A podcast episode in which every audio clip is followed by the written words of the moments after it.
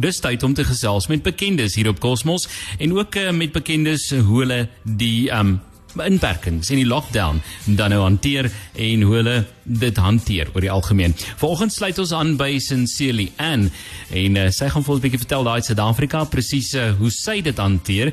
En uh, dis natuurlik baie baie goeiemôre. Good morning to you.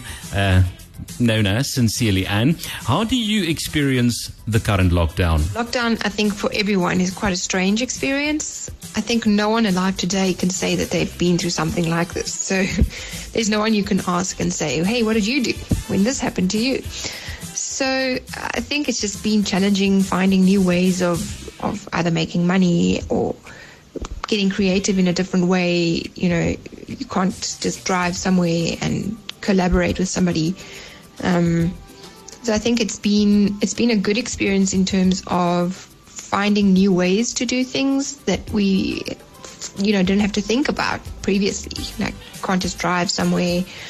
Um, you don't always get what you need. Like I need equipment, so I'm just gonna have to do with the equipment that I need or that I have right now.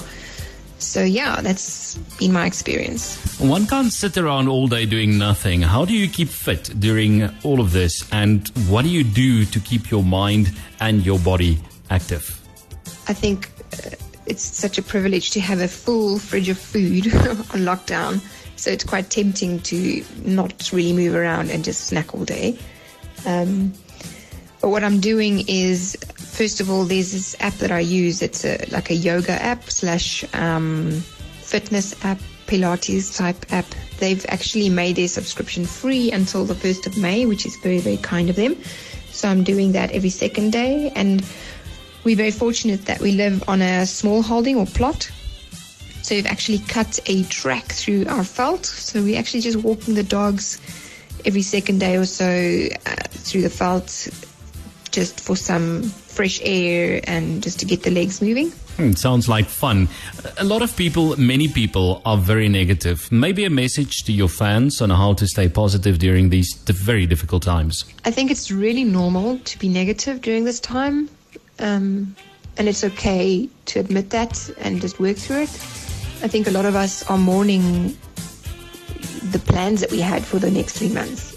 We're mourning a loss of income. We're potentially mourning not being able to see our family or worrying about family that's vulnerable. Um, so just realize that we're in this together. Uh, call people if you need to talk to people. Um, there's technologies on our side at least. Just be there for each other. Think of those less fortunate than you. And if you can help somebody, just help somebody, and you'll actually find you feel refreshed after doing something like that. And just know that this will pass. This will be over, and there's a future where we will look back at this time and we'll go, wow, we came through this. Wonderful to talk to you sincerely and dis die bekende sangeres op Kosmos 94.1 bekend ook as Sincerely Ann wat met ons gesels het oor haar inperkingstydperk en hoe sy dit ervaar.